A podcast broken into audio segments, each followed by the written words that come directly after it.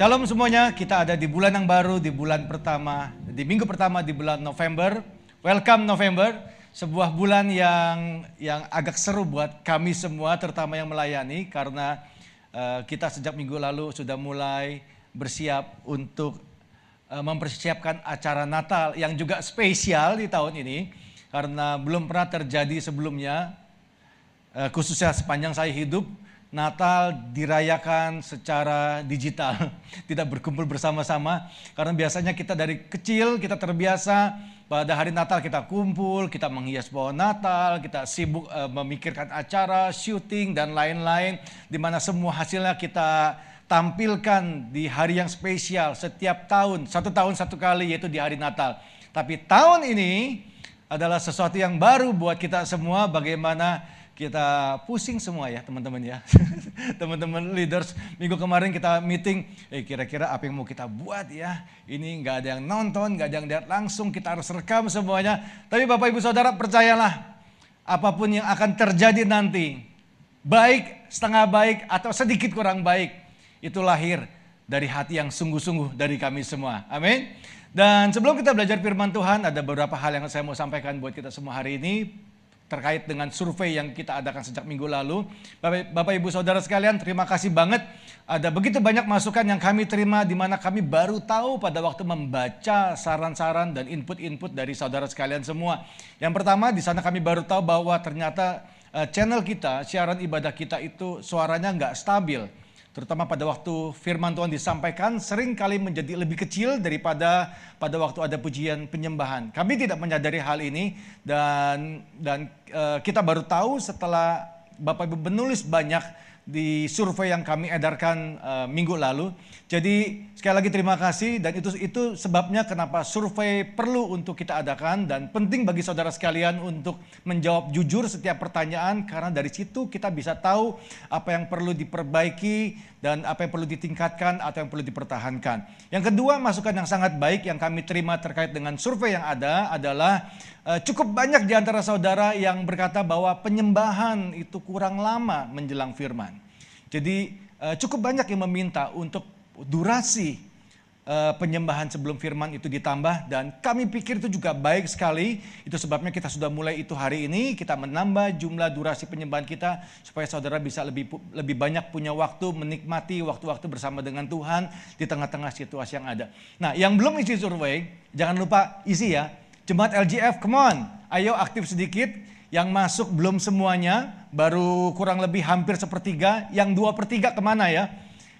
Link untuk survei sudah dikirim ke grup WA Jemaat. Bapak Ibu tinggal klik link di sana. Lalu nanti bisa menjawab eh, beberapa pertanyaan. Dan percayalah semua jawaban jujur yang Bapak Ibu terima itu sangat ber, uh, sangat berarti buat kami untuk segera berbenah dan membuat yang kurang baik menjadi lebih baik.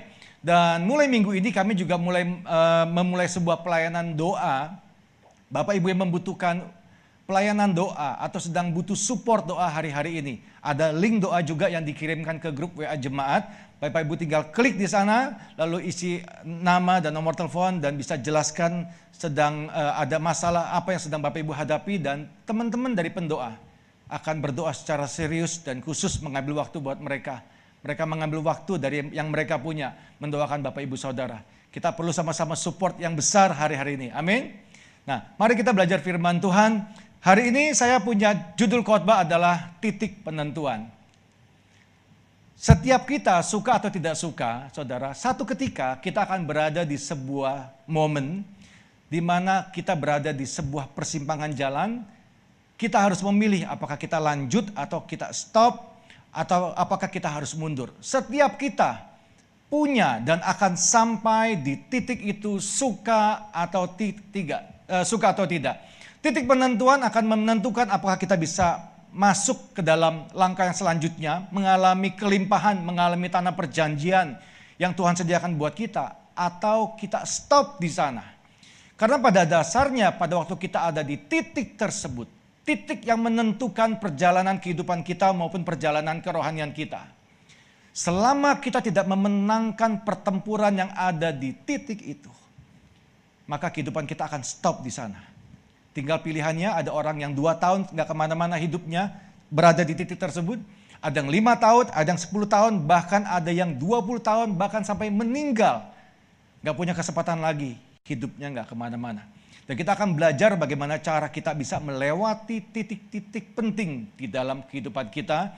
Karena ada banyak orang mencoba dengan caranya, dengan kekuatannya, dengan pengetahuannya.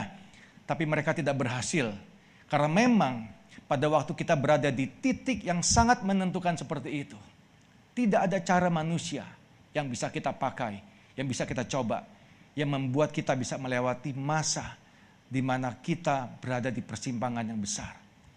Dan tahukah bahwa perjalanan kerohanian kita itu sama seperti uh, perjalanan bangsa Israel keluar dari tanah Mesir. Seperti kita ketahui bersama bahwa bangsa Israel pernah diperbudak lama sekali di Mesir selama 400 tahun. Selama 400 tahun mereka menjadi budak dari bangsa asing. Dan mereka menjadi budak karena para pemimpin, para raja di kerajaan Mesir pada waktu itu mulai takut pada waktu melihat bangsa Israel itu berkembang dengan sangat cepat. Mereka beranak pinak sangat cepat. Sehingga yang awalnya populasinya sangat kecil dimulai dari Yusuf seorang diri di sana. Lalu Yusuf menikah, lalu kemudian saudara-saudaranya datang. Masih ingat cerita itu semua? Gak ingat? Makanya baca Alkitab gitu ya. Nah dimulai dari satu orang berkembang sampai jumlahnya itu menjadi banyak dan itu menimbulkan kekhawatiran bagi bangsa Mesir.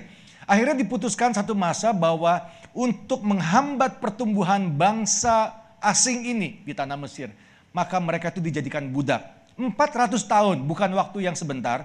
Mereka diperbudak, hidup mereka susah, mereka harus bekerja untuk pembangunan daerah Mesir pada waktu itu. Mereka mendapatkan upah yang sangat sedikit, jatah makanan mereka juga terbatas. Dan di titik itu, Tuhan diam. Kenapa Tuhan diam? Karena tibanya bangsa Israel, bangsa pilihan, dari orang yang merdeka, lalu menjadi bangsa buangan dan berakhir di tanah Mesir itu terjadi karena pemberontakan demi pemberontakan yang dilakukan oleh bangsa Israel.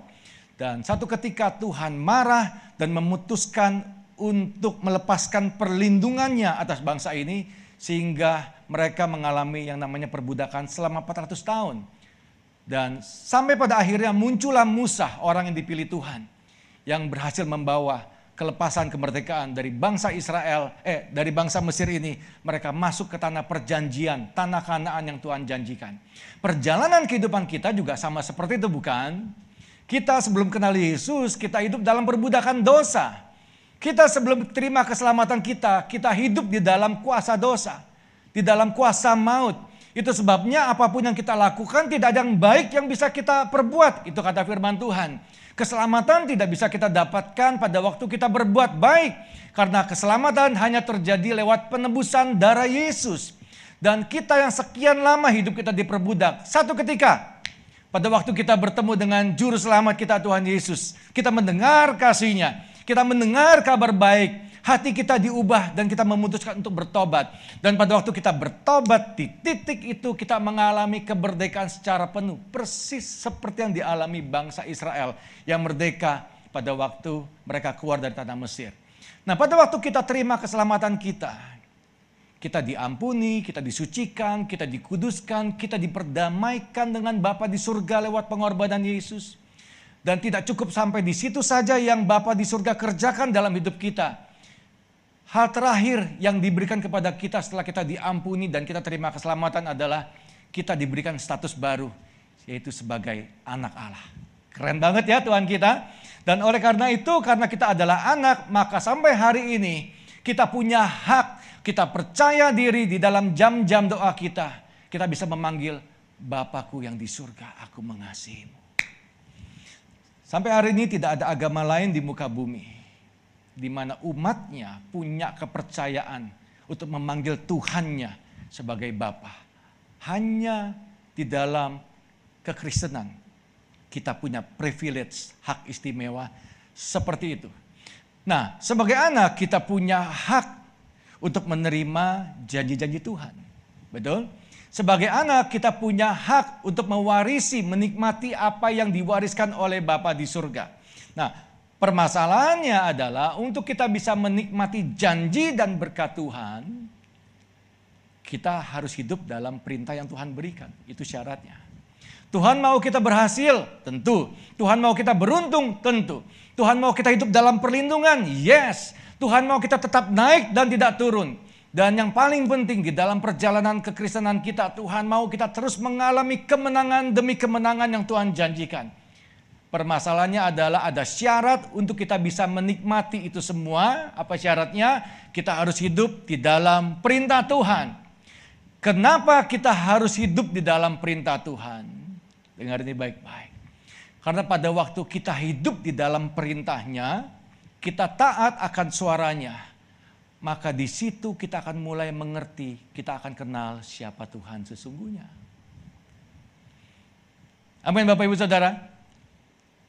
Dengan kata lain pada waktu kita hidup di luar perintahnya, kita tidak terbiasa melakukan apa yang Tuhan mau, kita nggak akan kenal siapa Tuhan. Nah kenal Tuhan itu penting banget. Banyak orang berpikir kenal Tuhan pada waktu mereka setiap minggu datang ke gereja. Pada kenyataannya nggak demikian kan? Banyak orang berpikir dia kenal Tuhan pada waktu dia mulai baca Alkitab. Saya setuju, tapi kenal Tuhan tidak bisa didapatkan sepenuhnya hanya dengan baca firman. Kalau kita hanya sekedar tahu dan kita tidak pernah melakukannya, itu artinya kita tidak akan punya banyak pengalaman di dalam perjalanan kita dengan Tuhan. Pengalaman penting karena pengalaman yang membuat pengenalan seseorang itu akan makin dalam. Betul? Sama seperti dengan pacar kita sendiri kan? Seperti dengan suami kita dulu waktu kita pacaran atau sekarang sudah menikah atau istri dengan suaminya. Kapan suami bisa dikatakan bahwa dia adalah seorang suami yang betul-betul kenal istrinya?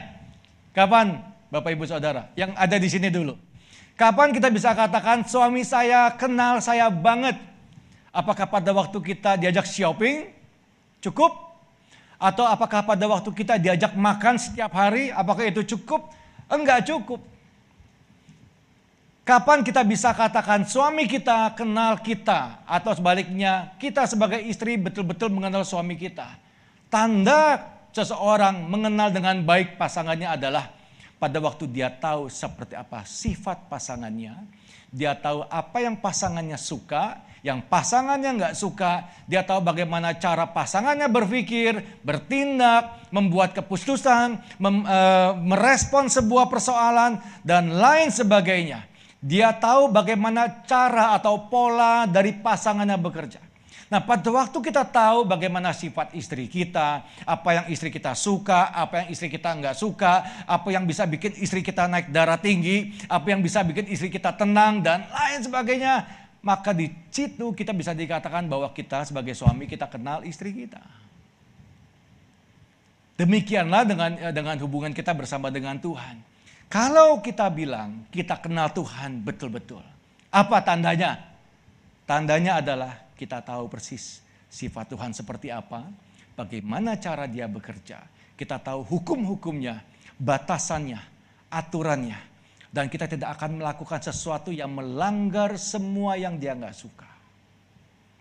Pada waktu kita tahu semua hal ini, kita tahu hukumnya, sifatnya, polanya, caranya bekerja, maka kita bisa dipastikan kita kenal Tuhan, kita tahu perintahnya, dan apa yang terjadi pada waktu Tuhan tahu kita betul-betul mengasihi dia? Apa yang akan terjadi pada waktu Bapa di surga tahu bahwa kita adalah orang yang bisa dipercaya? Orang yang setia, orang yang loyal, orang yang berani bayar harga pada waktu kita ikut dia? Tuhan tidak akan pernah ragu untuk melepaskan semua kebaikannya, berkatnya, janjinya buat kita semua. Karena dia pun akan percaya kepada kita. Amin. Tuhan punya sifat itu dua ada dua sisi, bukan dua maksudnya. Maksudnya adalah dua sisi. Sifat Tuhan selalu ada dua sisi yang berdampingan. Kalau kita tidak tahu ini, repot. Kita hanya tahu yang satu, kita melupakan yang lain. Yang pertama contohnya, kita sering mendengar bagaimana Tuhan itu disebut sebagai Bapa yang baik. Itu ya dan amin. Dia Bapa yang baik, dia mengasihi umatnya, dia mengasihi kita semua. Tapi jangan lupa selain sebagai Bapa yang baik, dia juga Bapa yang mendidik anak-anaknya. Pada waktu kita mulai berbuat salah, pada waktu kita mulai keluar batas, apa yang akan terjadi? Tuhan atau Bapa di surga akan datang dengan suaranya untuk menegur kita. Kita nggak dengar tegurannya akan lebih keras. Kita nggak mau dengar, apa yang akan terjadi? Rotan didikan akan datang dalam kehidupan kita. Sifat yang lain kita dengar bagaimana Bapa di surga atau Tuhan seperti gembala yang baik yang merawat domba-dombanya. Itu ya dan amin. Tapi jangan lupa sebagai, selain sebagai gembala yang baik yang merawat dan mengasihi atau menjaga domba-dombanya, dia juga mempunyai sifat dia adalah hakim yang adil dan hakim yang bijaksana. Setiap perbuatan yang kita lakukan akan ada sesuatu yang kembali kepada kita. Berlaku yang namanya hukum tabur tuai. Sifat yang lain, kita berkata bahwa Tuhan itu kalau hadir dia seperti air yang menyejukkan hidup saya. Itu ya dan amin.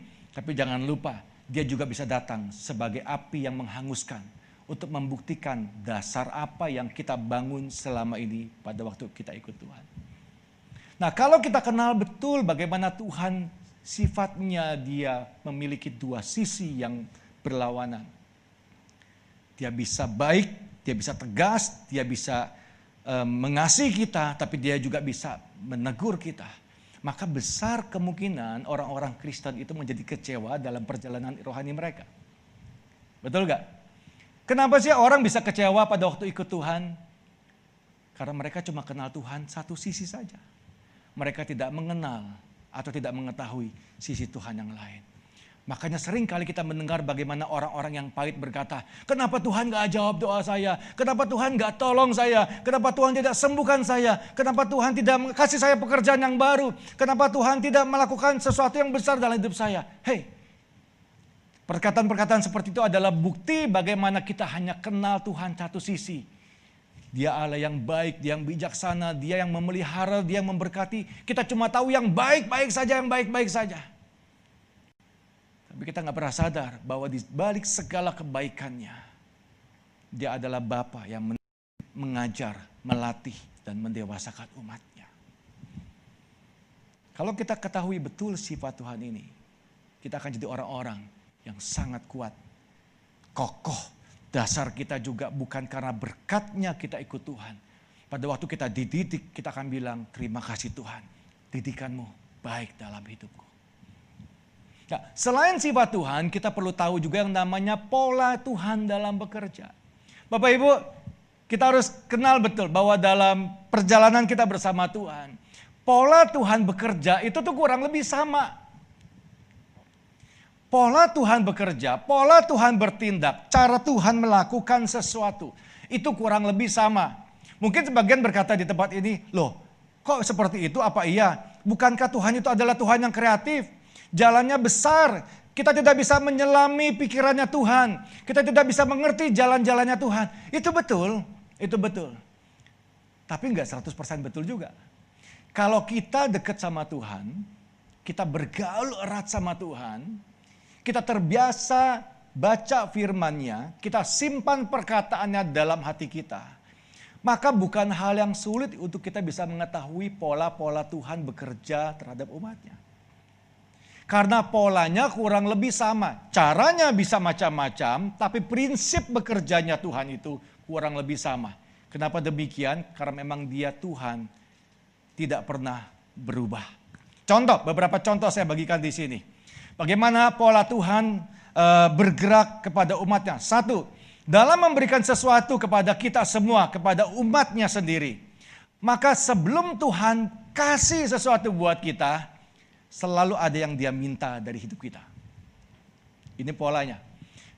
Sebelum dia lepaskan sesuatu yang baik dalam hidup kita, dalam hidupmu, semua yang ada di sini, selalu ada sesuatu yang harus kita lepaskan. Kita rela untuk lepaskan sebelum yang Tuhan janjikan itu datang. Itu pola loh.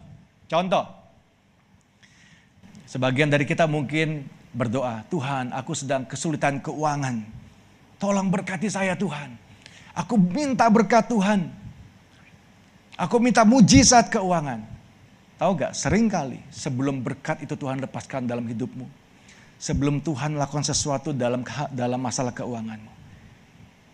Dia akan tunggu untuk engkau mulai untuk engkau mulai belajar melepaskan sesuatu yang ada di tanganmu hari ini. Banyak orang tidak punya keberanian untuk memberi Kenapa? Karena nggak kenal siapa Tuhan. Kalau kita nggak kenal siapa Tuhan, kita ikut Tuhan, kita bawaannya curiga. Kita bawaannya sensi. Kita sensitif kalau dengar kata memberi. Padahal pada waktu Tuhan ingin kita memberi, ada banyak hal yang Tuhan lihat dan Tuhan nilai.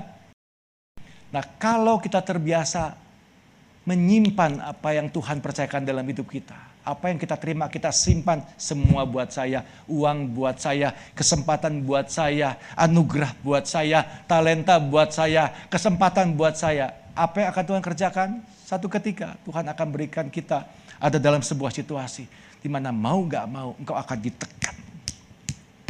Sampai engkau berkata, Tuhan aku lepaskan apa yang aku anggap penting. Bukan cuma soal uang, hal-hal yang lain juga begitu kita minta Tuhan, aku ingin aku bisa mengasihimu. Aku ingin hidupku penuh dengan kasihnya Tuhan. Aku ingin damai sejahtera. Pada waktu kita minta damai sejahtera, maka sebelum Tuhan berikan, harus ada harus ada sesuatu yang kita lepaskan dalam hidup kita. Apa yang harus kita lepaskan? Belajar lepaskan pengampunan. Belajar miliki rasa cukup. Sebelum kita mau melepaskan pengampunan dari hidup kita, maka damai sejahtera itu sulit sekali datang dan tinggal dalam hidup kita. Pola Tuhan yang pertama, sebelum dia lepaskan sesuatu, dia akan minta ada yang dilepaskan dari hidup kita. God, He is not a taker, He is a giver. Tuhan adalah Tuhan yang memberi, bukan Tuhan yang mengambil. Kalaupun ada yang diambil dari hidupmu, percayalah, yang baik, yang jauh lebih bernilai kualitasnya akan Tuhan kembalikan dua kali lipat, tiga kali lipat. Kalau kita nggak ngerti pola-pola Tuhan seperti ini repot. Makanya kenapa banyak orang Kristen hidup untuk dirinya sendiri.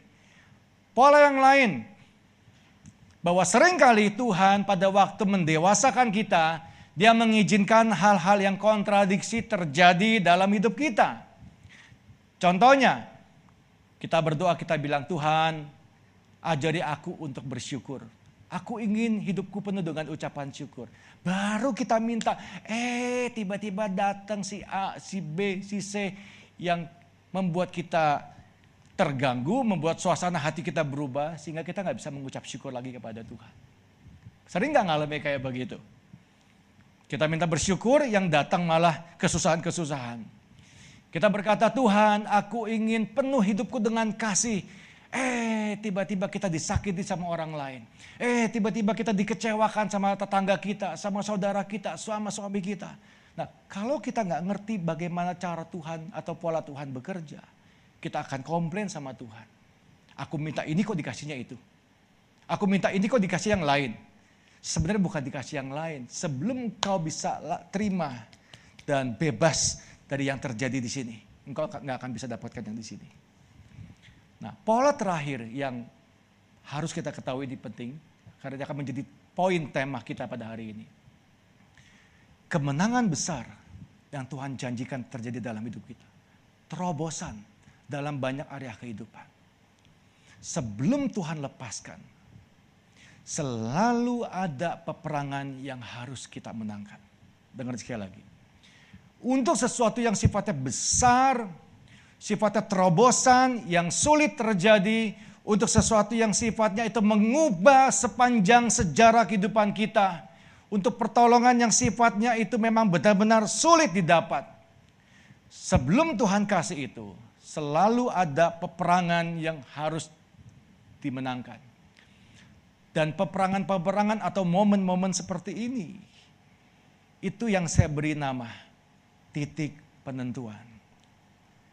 Kita ketemu dengan masalah yang rasanya keras, seperti gunung batu yang tidak bisa ditembus, seperti tembok yang tebal yang tidak bisa dihancurkan. Pada waktu engkau bertemu dengan masalah atau pergumulan yang keras dan kuat seperti itu, ketahuilah engkau berada di titik penentuan. Dan biasanya di titik-titik tersebut Tuhan itu diam. Biasanya begitu.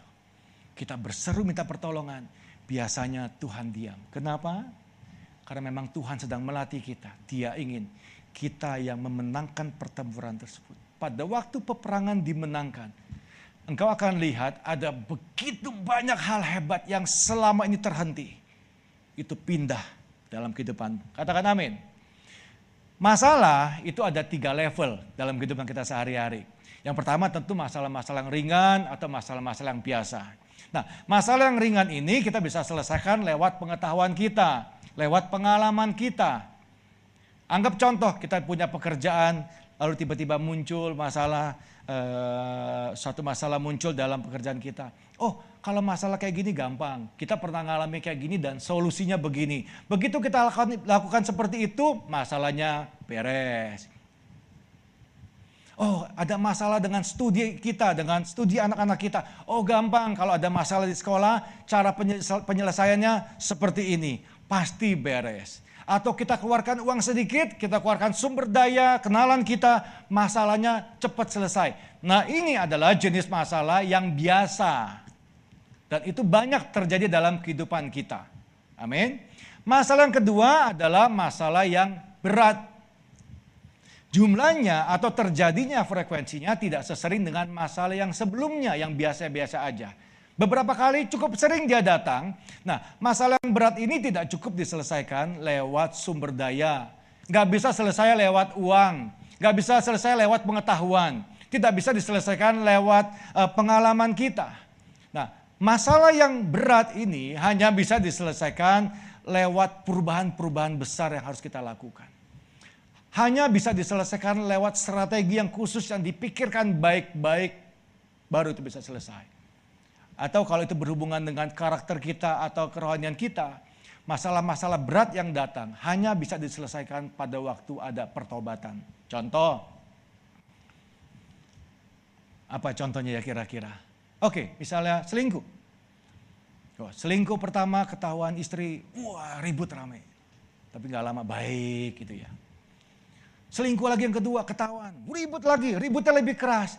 Tapi bisa selesai dengan pengetahuan, dengan pengalaman, dengan nasihat-nasihat, nah, dengan dengan dengan sumber daya, istrinya dibelanjain, dibeliin mobil, dibeliin tas yang mahal, hatinya bisa luluh. Tapi setelah yang sekian kali, percayalah, uangmu tidak bisa menyelamatkan pernikahanmu, pengetahuan dan pengalaman pengalamanmu tidak bisa menyelamatkan rumah tanggamu. Bagaimana cara masalah besar dalam rumah tangga ini bisa selesai? Tidak ada cara lain selain pertobatan dihasilkan di sana. Tidak ada cara lain selain perubahan yang besar terjadi di sana. Contohnya ganti nomor telepon, pindah rumah, lalu juga mendisiplinkan diri, tidak keluar malam-malam dan ada banyak cara, ada banyak cara. Intinya masalah yang tipenya jenisnya adalah besar ini hanya bisa diselesaikan lewat perubahan yang besar juga, lewat strategi yang khusus, atau juga dengan lewat pertobatan. Selain masalah biasa dan masalah yang besar, masalah yang ketiga, Anda harus waspada. Masalah jenis yang ketiga adalah masalah yang sangat-sangat berat. Terjadi dalam hidup kita tidak sering, mungkin hanya satu kali, dua kali, biasanya maksimal tiga kali. Bagaimana tanda daripada masalah besar ini? Saudara, pada waktu kita menghadapi masalah tersebut, kita seperti nggak punya daya. Begitu hebat, begitu keras, begitu kokoh, begitu wah, begitu ketemu itu membuat kita putus pengharapan. Saking rumitnya, saking beratnya, tidak bisa diselesaikan oleh uang, tidak bisa diselesaikan oleh koneksi yang kita punya, tidak bisa diselesaikan oleh pengalaman, pengetahuan, strategi khusus, Bahkan pertobatan pun belum tentu bisa menyelesaikan yang kayak gini-gini. Anda pernah mengalami itu? Jenis seperti ini saudara, tidak ada cara lain untuk kita bisa mengalahkannya. Selain diri kita sendiri yang maju menghadapi, bertempur sampai ada kemenangan di sana. Pada waktu kita bilang, aku nggak kuat, aku nyerah, aku mundur aja. Ya nggak apa-apa. Tapi sejak saat itu engkau akan berada di titik di mana hidupmu berhenti. Lima tahun kau nggak bisa lewati tembok itu, lima tahun posisimu sama. Sepuluh tahun Anda nggak bisa lewati atau hancurkan tembok itu, sepuluh tahun dari sekarang posisimu sama. Dua puluh tahun engkau menyerah, dua puluh tahun dari sekarang engkau nggak ke mana-mana. Ini adalah jenis masalah yang sangat besar. Di mana nggak ada orang lain bisa tolong kita selain hanya kita berurusan dengan Tuhan menghadapi masalah seperti itu. Di titik penentuan seperti ini, biasanya Tuhan itu diam. Tidak memberikan suaranya, tidak memberikan petunjuknya. Kenapa? Apakah Tuhan jahat? Bukan. Tuhan sedang melatih kekuatan kita. Dia ingin kita naik level, maju ke titik selanjutnya. Gunung batu, tembok yang besar yang terjadi dalam beberapa momen kehidupan kita tidak bisa dihadapi dengan cara biasa, hadapi dengan caranya Tuhan. Luar biasa, puji nama Tuhan. Tuhan berikan pola yang bisa kita pakai pada waktu kita bertemu dengan jenis yang ketiga ini. Mari kita akan mulai di dalam Yosua 1 ayat 1 sampai 9. Ada cerita bagaimana bangsa Israel keluar dari tanah Mesir. Di awal khotbah saya berkata bahwa kita bisa belajar banyak dari bangsa Israel keluar dari Mesir masuk ke tanah Kanaan, tanah yang, yang dijanjikan oleh Tuhan. Kenapa? Karena memang perjalanan kerohanian kita mirip-mirip dengan perjalanan bangsa Israel mendapatkan kebebasannya. Dan cerita ini e, dilatar belakangi bagaimana mereka sudah e, mau keluar dari Mesir, Musa sang pemimpin itu mati sebelum memulai perjalanan memasuki tanah Kanaan sehingga kepemimpinan diberikan kepada Yosua dan Yosua yang punya tanggung jawab membawa bangsa pilihan Tuhan masuk ke dalam tanah Kanaan, tanah yang subur, yang berlimpah susu dan madunya. Kita akan pelajari pola yang luar biasa ini. Kalau engkau mau engkau sampai kepada tanah Kanaan dalam hidupmu, engkau ingin hidupmu sampai di negeri di mana berlimpah susu dan madunya yang Tuhan sediakan, ingat dan pakai pola ini. Yosua yang pertama ayat 1 sampai 9. Judulnya adalah perintah Tuhan kepada Yosua untuk merebut tanah Kanaan. Sesudah Musa hamba Tuhan itu mati, berfirmanlah Tuhan kepada Yosua bin Nun, abdi Musa itu demikian. Hambaku Musa telah mati, sebab itu bersiaplah sekarang, seberangilah sungai Yordan ini, engkau dan seluruh bangsa ini menuju negeri yang akan kuberikan kepada mereka, kepada orang Israel itu. Setiap tempat yang akan diinjak oleh telapak kakimu, kuberikan kepadamu, seperti yang telah kujanjikan kepada Musa. Dari padang gurun dan gunung Libanon, yang sebelah sana itu sampai ke sungai besar yakni sungai Efrat. Seluruh tanah orang Het sampai ke laut besar di sebelah matahari terbenam. Semuanya itu akan menjadi daerahmu. Luar biasa ya. Seorang pun tidak akan dapat bertahan menghadapi engkau seumur hidupmu seperti aku menyertai Musa. Demikianlah aku menyertai engkau. Aku tidak akan membiarkan engkau dan tidak akan meninggalkan engkau. Luar biasa janji Tuhan menyertai Musa. Perhatikan ayat berikut. Kuatkan dan teguhkanlah hatimu, sebab engkaulah yang akan memimpin bangsa ini, memiliki negeri yang kujanjikan dengan bersumpah kepada nenek moyang mereka untuk diberikan kepada mereka. Hanya kuatkan dan teguhkanlah hatimu dengan sungguh-sungguh. Dua kali diulang kata kuatkan dan teguhkan hati. Bertindaklah hati-hati sesuai dengan seluruh hukum yang telah diperintahkan kepadamu oleh hambaku Musa Jangan menyimpang ke kanan atau ke kiri supaya engkau beruntung ke mana pun engkau pergi. Janganlah engkau lupa memperkatakan kitab Taurat ini, tetapi renungkanlah itu siang dan malam supaya engkau bertindak hati-hati sesuai dengan apa yang tertulis di dalamnya. Sebab dengan demikian perjalananmu akan berhasil dan engkau akan beruntung. Bukankah telah kuperintahkan kepadamu? Lihat peringatan yang ketiga. Kuatkan dan teguhkanlah hatimu Janganlah kecut dan tawar hati, sebab Tuhan Allahmu menyertai engkau ke mana pun engkau pergi. Katakan amin Bapak Ibu Saudara. Musa mati, Yosua dipilih sebagai pemimpin. Dan Tuhan ngomong sama Yosua, Aku akan menyertai engkau Yosua sama seperti aku menyertai Musa. Setiap tempat yang kau injak sama kakimu itu akan jadi milikmu. Tuh lihat dari daerah ini, ini, ini, ini. Engkau akan jadi milikmu, akan kuberikan kepadamu. Tapi peringatan diberikan. Kuatkan dan teguhkan hatimu. Aneh ya?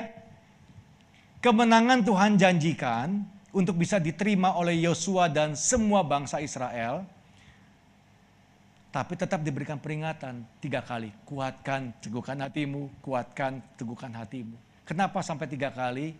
Sangat penting. Pada waktu peringatan diberikan, Yosua tidak tahu apa yang ada di depan pada waktu mereka mulai masuk ke wilayah pertama dari tanah kanaan, di wilayah terluar. Tapi Tuhan bilang, kuatkan, teguhkan hatimu. Pada waktu Yosua berjalan bersama bangsa Israel, mereka lewati sungai Yordan. Mereka baru tahu kenapa peringatan itu tiga kali datang dalam hidupnya. Tempat pertama yang mereka dapati pada waktu mereka melewati sungai Yordan. Mereka bertemu dengan yang namanya tembok Yeriko. Tembok Yeriko itu adalah kota benteng yang besar sekali. Nah ini gambarnya pada waktu zaman Yosua mulai memasuki tanah Kana.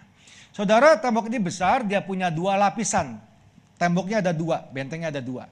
Lapisan pertama tebalnya itu kurang lebih 1,8 meter, benteng lapisan pertama. Lalu ada jarak kurang lebih 4,5 meter supaya para prajurit itu bisa berperang, kereta bisa lewat, membawa supply. Lalu ada lagi benteng kedua itu tebalnya 4,5 meter. Jadi jarak dari tembok paling luar sampai ke tembok paling belakang itu kurang lebih 9 sampai 10 meter. Tinggi bentengnya sendiri adalah 9 meter. Secara teori dan secara hitung-hitungan secara manusia, ini bukan jenis tembok yang bisa mudah dihancurkan. Baik lewat usaha manusia maupun lewat bencana alam. Tidak mungkin tembok ini bisa hancur tinggi 9 meter, lebar lebar kurang lebih 10 meter. Anda lihat bagaimana kondisi sekarang masih ada ini di Jericho, perbatasan memasuki Israel. Boleh ganti gambar berikutnya? Nah ini kondisi sekarang, temboknya sudah tidak ada. Perhatikan bagaimana cara Tuhan memperingatkan kita pada waktu Yosua akan memasuki tanah Kanaan dan bertemu dengan tembok yang besar. Hambatan pertama, titik penentuan pertama yang dihadapi oleh Yosua. Dia bilang, engkau sendiri yang akan memimpin bangsa ini masuk menuju tanah yang Tuhan janjikan. Apa artinya? Bapak Ibu dengar baik-baik. Pada waktu engkau bertemu dengan masalah yang sangat rumit dan sangat besar. Di mana tidak ada jalan di sana. Tidak ada pertolongan dari manusia yang bisa bekerja. Dan engkau berkata, Tuhan tolong. Engkau mungkin datang kepada hamba-hamba Tuhan, tolong bantu saya, doakan saya Dengar baik-baik, Tuhan bilang, engkau sendiri yang akan berurusan dengan tembok besar dalam hidupmu. Kalau engkau bisa lewati tembok itu, engkau akan masuk ke dalam tanah kanan. Oleh sebab itu, kuatkan, teguhkan hatimu. Jangan tawar hati, jangan gentar, kuatkan, teguhkan hatimu. Hari ini kita tidak punya tembok Yeriko seperti di zaman dulu. Tapi tembok Yeriko bisa datang di area keuanganmu, di area kesehatanmu, di area hubungan keluargamu, di area pekerjaanmu, bisnismu, apa pun. Satu ketika itu bisa datang dan membesar, kuat seperti tembok Yeriko dalam hidupmu.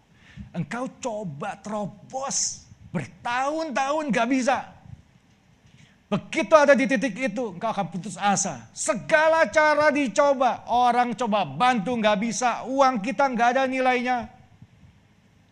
Pengetahuan kita, pengalaman kita, nasihat-nasihat tidak bisa bekerja membantu tembok itu bisa runtuh. Kenapa demikian? Tuhan bilang, engkau sendiri yang akan masuk berurusan, berperang dengan tembok itu.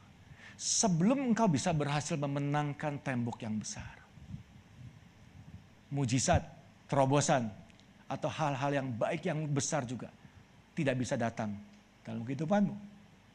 Dan selama engkau tidak memenangkan pertempuran di sana, hidupmu akan stop di titik di mana pertama kali kau menemuinya. Yosua 6 ayat 2 sampai 4. Aduh, waktunya sudah habis, kita harus selesai. Cepat saja ya. Apa yang Yosua lakukan untuk bisa menghancurkan tembok tersebut? Yosua 6 ayat 2 sampai 4. Berfirmanlah Tuhan kepada Yosua, ketahuilah aku serahkan ke tanganmu Yeriko ini beserta raja dan pahlawan-pahlawan yang gagah perkasa. Ayat yang ketiga, haruslah engkau mengelilingi kota itu, yakni semua prajurit harus mengedari kota itu satu kali saja, itu perintahnya. Demikianlah harus engkau perbuat enam hari lamanya. Jadi Tuhan bilang gini, kota ini aku serahkan kepada kamu. Bukan cuma kotanya, tapi juga rajanya dan semua pembesarnya. Nah caranya, kelilingi kota itu satu hari satu kali. Saudara, cara pertama yang harus engkau lakukan pada waktu engkau bertemu dengan tembok besar dalam hidupmu. Satu, taat dengan apa yang Tuhan perintahkan. Kalau Tuhan tidak berbicara apa-apa, jangan bertindak sendiri. Lebih baik engkau diam. Kalau Tuhan tidak tidak tunjukkan cara untuk engkau jalani, jangan gegabah. Lebih baik diam. Belajar untuk menunggu tanda yang datang dari Tuhan. Belajar melihat signal-signal kecil yang Tuhan tunjukkan dalam hidupmu pada waktu engkau bertemu dengan tembok Yeriko dalam dalam dalam kehidupanmu sendiri. Tanda yang Tuhan berikan jarang adalah tanda yang besar kecil sebesar telapak tangan seperti yang dilihat pada waktu eh, pada waktu Elisa dan Elia terjadi kekeringan di negeri itu. Dan pada waktu dia, dia lihat naik yang ketujuh kali apakah ada perubahan? Ada awan kecil sekali. Dan dikatakan hujan segera turun. Kesalahan banyak orang. Kenapa gagal untuk bisa memenangkan atau menghancurkan tembok besar gunung batu dalam hidupnya? Karena mereka nggak mau taat. Mereka nggak mau baca firman, mereka nggak kasih waktu buat berdoa sungguh-sungguh, sehingga tidak ada sesuatu pesan, signal, tanda, pewahyuan datang. Sekalipun tidak datang pewahyuan, firman Tuhan, jawaban Tuhan, nekat lo orang. Coba cara A, coba cara B, coba hubungi si A, hubungi si C. Anda boleh coba cara itu. Kalau masalahmu ada di level masalah yang biasa atau masalah yang berat, kemungkinan itu bisa berhasil, iya. Tapi kalau engkau bertemu dengan gunung batu, cara-cara seperti ini nggak akan bisa bekerja. Jangan gegabah untuk bertindak atau buat keputusan sebelum kau yakin ini Tuhan. Sama seperti bangsa Israel, Yosua itu taat. Satu hari cuma boleh keliling satu kali. Ya udah, satu hari satu kali. Keliling satu hari sekali selama enam hari. Nanti hari ketujuh, keliling tujuh kali. Gak perlu ngapa-ngapain, gak perlu berdoa, gak perlu bakar korban, gak perlu ada doa bersama. Keliling aja cukup. Dan itu yang dilakukan oleh Yosua. Ayat yang keempat. Dan tujuh orang imam harus membawa tujuh sangkakala tanduk domba di depan tabut. Garis bawahi kata tabut. Tetapi pada hari yang ketujuh, tujuh kali kamu harus mengelilingi kota itu sedang para imam meniup sangkakala. Jadi pada waktu rombongan ini kan banyak orang. Rombongannya lucu sekali. Tuhan bilang bikin barisannya begini. Pada waktu keliling tembok Yeriko ya, paling depan prajurit pegang senjata, itu jumlahnya banyak. Yang kedua, para imam, hamba Tuhan, yang yang memegang tanduk dan sangkakala. Di belakangnya imam yang membawa tabut Tuhan, belakangnya barisan penutup prajurit lagi yang bawa senjata. Nah mereka ini saya pikir mungkin jumlahnya ratusan atau ribuan, itu jalan keliling satu hari satu kali. Intinya tabut gak boleh ditinggal di dalam barisan. Tabut bicara apa sih Bapak Ibu Saudara? Halo, yang ada di sini? Tabut bicara apa? Kehadiran Tuhan. Jadi cara kedua yang Yosua lakukan dengan sangat taat adalah pada waktu mereka berhadapan, bertemu, mengingkari tembok yang besar, mereka memastikan hadirat Tuhan itu ada dalam perjalanan barisan mereka. Kesalahan banyak orang pada waktu mereka bertemu dengan masalah yang besar adalah mereka tinggalkan jam doanya dan mereka tinggalkan saat teduhnya bersama dengan Tuhan. Dari mulut mereka nggak keluar lagi puji-pujian.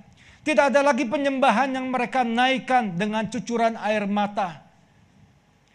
Sedangkan kita tahu bahwa doa, pujian, dan penyembahan itu mengundang dan mendatangkan hadirat Tuhan. Pada waktu Tuhan hadir, apa yang terjadi? Di sana ada damai sejahtera, di sana ada sukacita, di sana ada kekuatan yang tidak bisa dunia berikan. Jangan pernah tinggalkan doa, pujian, dan penyembahan dalam hidupmu. Pada waktu engkau bertemu dengan gunung batu yang besar seperti ini. Amin. Kita mau kita harus selesai. Yosua 6 ayat 10 sampai 11 dan lalu 14. Tetapi Yosua telah memerintahkan kepada bangsa itu demikian. Perhatikan perintahnya. Unik-unik perintahnya Bapak Ibu Saudara. Yang pertama disuruh keliling. Yang kedua barisannya adalah di tengah-tengah itu para imam. Bukannya prajurit semua yang keliling. Padahal itu rentan sekali loh untuk diserang oleh musuh. Musuh 9 meter di atas. Mereka jalan itu kalau dipanah mati semua. Tapi mereka jalan keliling. Perintah yang ketiga, perintah yang ketiga, janganlah bersorak dan janganlah perdengarkan suaramu. Satu patah kata pun jangan keluar dari mulutmu sampai pada hari aku mengatakan kepadamu bersoraklah. Baru setelah itu kamu boleh bersorak. Apa yang harus kita lakukan pada waktu kita berada dalam situasi yang genting atau berada di titik-titik yang sangat kritis di dalam kehidupan kita? Shh. Jangan kebanyakan ngomong Amin. Ibu-ibu susah amin nih. Kenapa kita terbiasa kalau kita udah tertekan, makin tertekan kata-kata makin banyak keluar. Makin tertekan, nada makin tinggi. Makin stres, tekanan darah gampang naik. Makin tertekan, makin banyak yang tahu masalah kita. Kayaknya kita bangga banget gitu ya cerita bahwa kita lagi ada masalah besar. Padahal kita tidak akan dapatkan pertolongan apa pun dengan cara-cara seperti itu. Nah Tuhan bilang, begitu kau ketemu dengan tembok Yeriko di depan matamu, jangan bersuara satu kata pun tidak. Banyak orang gagal di titik atau fase ini. Taat ya, masih baca firman ya, gampang. Masih nyanyi, masih memuji Tuhan, masih. Lagu-lagu masih hafal di kepala. Tapi urusan tutup mulut, gak semua orang bisa. Hati-hati Bapak Ibu, mulutmu ada kuasanya loh. Apa yang kau ucapkan terjadi sesuai dengan apa yang kau yakini. Dan apa yang kau yakini itu keluar dari hatimu. Bisa dilihat, dideteksi dari apa dari kata-kata yang keluar dari mulutmu sendiri. Kita nggak bisa bilang bahwa, oh saya, uh, ini Michelle, uh, Michelle kamu jangan marah ya sama cowok ini. Dia memang kasar kalau ngomong, udah hitam kasar lagi. Tapi hatinya baik Michelle Percaya deh, saya kenal dia, hatinya baik, mulutnya aja jahat. Eh nggak mungkin Bapak Ibu Saudara, mana ada? Bilang orangnya baik cuma mulutnya jahat. Kalau mulutnya jahat itu berarti ada masalah dalam hatinya. Karena apa yang ada dalam hati keluar lewat mulut.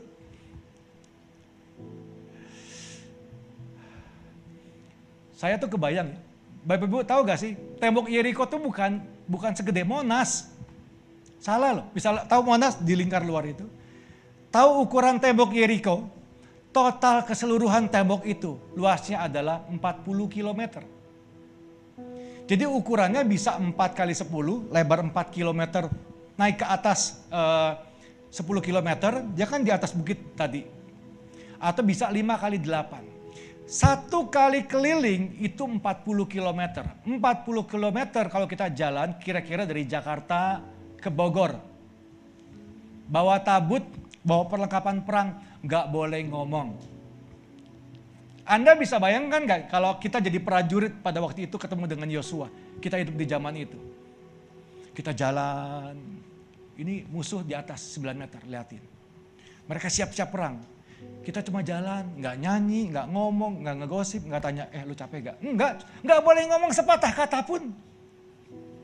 Nggak ada ngomong, Udah hari ketiga, aduh urat pada keluar di betis. Gak ada kayak gitu, gak boleh.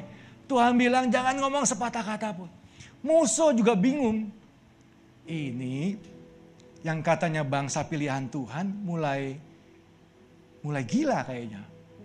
Lewat satu kali jalan kaki 40 kilo itu berapa jam? Bisa seharian.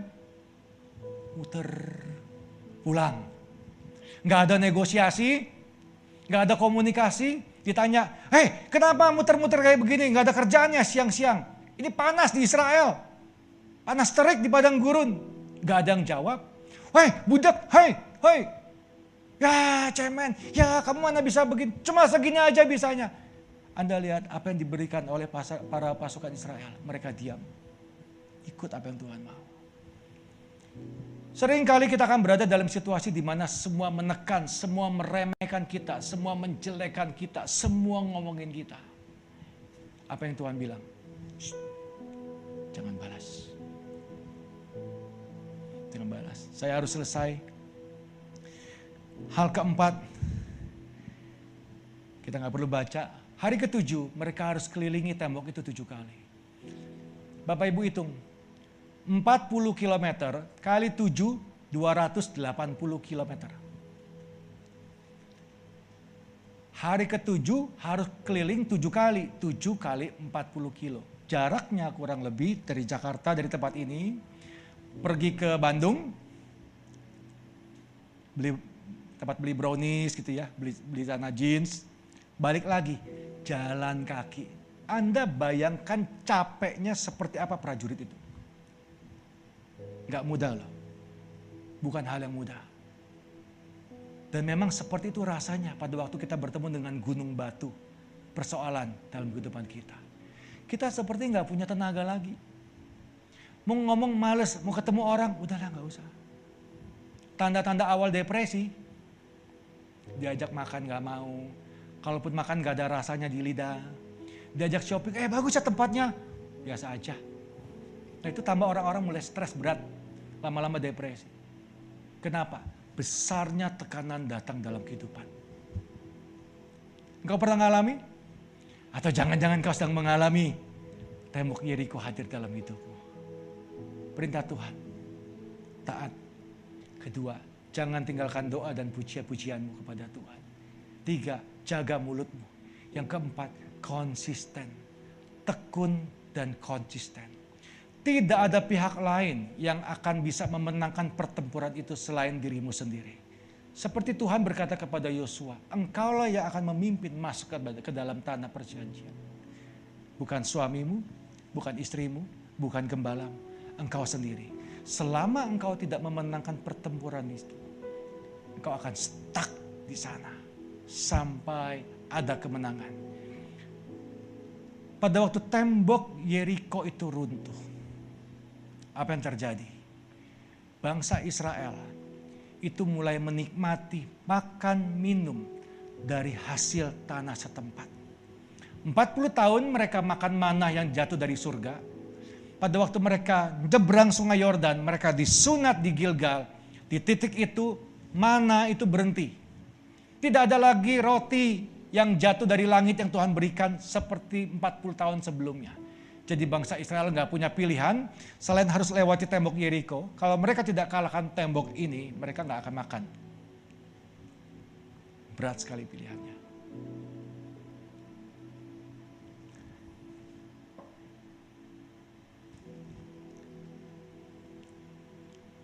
Saya tidak tahu bagaimana kondisi kita satu demi satu. Saya tahu ini kita zaman lagi sulit Bapak Ibu Saudara. Sulit sekali saya tahu sulit, kita punya uang, kita nggak bisa ke mana-mana. Walaupun saya dengar kemarin Bali penuh banget ya, wih orang Indonesia memang memang dekat sama Tuhan sih ya. Jadi kalau ada kenapa-napa langsung surga. Jadi pergi ke mana-mana begitu. Gitu. Tapi kalau Anda punya masalah besar, pergumulan besar hari-hari ini. Dengar apa perkataan Tuhan. Jangan takut, kuatkan dan teguhkan hatimu. Jangan tawar hati. Engkau sendiri akan masuk ke dalam tanah perjanjian. Kalahkan gunung batu atau tembok Yeriko dalam kehidupanmu dengan ketaatan yang engkau punya. Dengan doa, pujian, penyembahan. Dengan menjaga mulut. Dan keempat, tekun, konsisten, berperang bersama dengan Tuhan. Sampai masalahmu selesai. Bye.